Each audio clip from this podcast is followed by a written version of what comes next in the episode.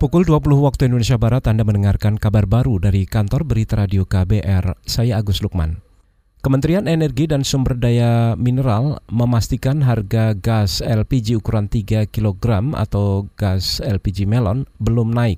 Juru bicara Kementerian ESDM Agung Pribadi menyebut rencana peralihan subsidi gas LPG melon masih dikaji pemerintah. Ia mengatakan kenaikan harga gas LPG 3 kg di Medan dan Deli Serdang, Sumatera Utara yang menjadi Rp35.000 per tabung adalah karena kenakalan agen dari kenakalan agen-agen aja. Nggak betul, dialihkan tepat sasaran. Jadi subsidinya ke depan adalah kepada orang yang berhak untuk menerimanya. Tidak kemudian yang punya CRV beli, tabung gas 3 kg ya. Harusnya yang beli yang normal aja yang tidak subsidi. Maka kemudian nanti ke depan yang disubsidi adalah orang yang berhak menerimanya bukan ke komoditinya. Mekanismenya masih dibicarakan didiskusikan. Pak Presiden juga akan sudah mengarahkan nanti ini melalui ratas kalau nggak salah. Juru bicara Kementerian Energi Sumber Daya Mineral Agung Pribadi menyebut pemerintah masih mengkaji cara terbaik memberikan subsidi tepat sasaran Subsidi gas LPG 3 kg tetap akan diberikan kepada warga miskin namun dialihkan dari subsidi barang ke orang yang meminta BPGH Migas mengawasi distribusi gas ukuran melon agar harganya terkendali. Sebelumnya harga gas LPG 3 kg di Medan dan Deli Serdang, Sumatera Utara mulai naik dari Rp20.000 menjadi Rp35.000 per tabung ukuran 3 kg. Warga setempat menyebut kenaikan terjadi karena wacana pemerintah akan mencabut subsidi gas LPG ukuran melon. Lembaga Ombudsman Republik Indonesia membentuk tim untuk mengawasi kondisi asuransi di Indonesia. Pembentukan tim ini dilakukan pasca kasus dugaan korupsi di perusahaan BUMN Jiwasraya dan Asrabri yang merugikan negara puluhan triliun rupiah.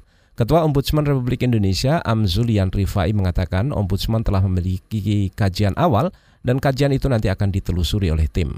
Tetapi yang jelas kita bentuk tim karena kita serius untuk melihat asuransi secara umum. Ini kan jangan berulang lagi ya kan? Karena apa? Ini akhirnya apa ya asuransi yang sangat potensial di Indonesia maka masyarakat Indonesia kemudian hilang padahal mestinya masih dibangun kultur untuk milik asuransi sekarang orang malah kapok. Ketua Ombudsman Republik Indonesia Amzulian Rifai menambahkan lembaganya juga akan mengawasi PT Taspen Persero dan perusahaan asuransi lainnya. Investasi PT Taspen Persero dalam dua tahun berturut-turut diberitakan minus 23 persen. Meski begitu, Amzulian mengatakan belum bisa menyimpulkan apakah ada dugaan korupsi di perusahaan Taspen. Namun ia mengklaim Ombudsman akan serius menelusuri perusahaan-perusahaan asuransi di Indonesia agar kejadian korupsi di Jiwasraya dan Asabri tidak terulang kembali. Beralih ke informasi lain, Saudara Kementerian Koordinator Bidang Perekonomian menyatakan Pertamina maupun subkontraktor wajib merekrut tenaga kerja lokal lebih banyak dalam proyek pengembangan dan perluasan kilang minyak Balikpapan, Kalimantan Timur. Itu disampaikan Deputi Bidang Koordinasi Pengelolaan Energi Sumber Daya Mineral dan Lingkungan Hidup di Kementerian Perekonomian Monty Giriana. Monty mengatakan karena proyeknya dalam jangka lima tahun kemungkinan tidak bisa langsung merekrut tenaga kerja lokal dalam jumlah banyak. Ia memperkirakan rekrutmen banyak baru baru dibutuhkan pada satu dua tahun mendatang. Tenaga kerja ya? Itu harus karena kan nanti kan sebetulnya ini pekerjaan lama lima tahun. Jadi memang tidak dengan serta merta tahun pertama itu menyerap tenaga kerja yang banyak. Kan nanti ada peak uh, season daripada tenaga kerja itu bisa serap itu mungkin dalam waktu kurun setahun dua tahun ya, ya betul. 2022 2023 pada saat kerjaan itu peak ya itu kita akan mungkin ribuan tenaga kerja dan itu saya pikir itu harus dari lokal. Deputi Bidang Koordinasi Pengelolaan Energi Sumber Daya Alam dan Lingkungan Hidup di Kementerian Koordinator Perekonomian Monty Kirian mengatakan saat ini proses pengembangan dan perluasan kilang minyak sudah mencapai 11 persen. Ditargetkan pada pertengahan 2023 kilang minyak Balikpapan sudah bisa beroperasi dengan kapasitas yang lebih besar dan menghasilkan kualitas produk lebih bagus. Beralih ke informasi lain, saudara kuasa hukum dari bekas Sekretaris Mahkamah Agung Nur Hadi, Magdir Ismail, berkeras kliennya tidak menerima suap seperti yang dituduhkan Jaksa Komisi Pemberantasan Korupsi KPK. Magdir kecewa karena gugatan pra-peradilan kliennya ditolak oleh Pengadilan Negeri Jakarta Selatan pada hari ini. Ya kita bisa lihat lagi nanti kita bisa buktikan dalam proses persidangan apakah sangkaan ini benar atau tidak benar. Ya karena kan tadi hakim dalam bagian terakhir dari putusannya mengatakan bahwa ada beberapa hal yang sudah masuk bagian dari pokok perkara sehingga tidak dipertimbangkan. Nah, padahal itulah inti persoalannya kan.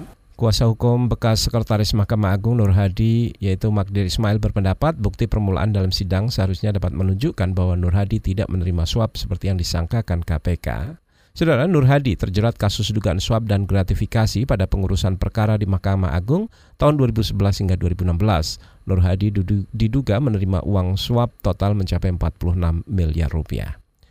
Beralih ke mancanegara, saudara otoritas kesehatan di Jepang dan Thailand mengkonfirmasi temuan kasus penyebaran virus corona di negara mereka. Virus corona yang mirip SARS ini menyebar dari kota Wuhan di Tiongkok dan dianggap sebagai virus mematikan. Seorang warga Jepang yang baru pulang dari Wuhan dinyatakan terkena virus corona. Namun pasien itu telah mendapat perawatan di rumah sakit dan dinyatakan aman. Temuan juga ada di Thailand dan juga ada di Taiwan. Virus juga menyebar hingga Taiwan di mana otoritas kesehatan Taiwan menemukan kasus pertama orang terpapar virus itu dan pasien itu juga baru pulang dari kota Wuhan, Tiongkok. Demikian kabar baru dari KBR, saya Agus Lukman.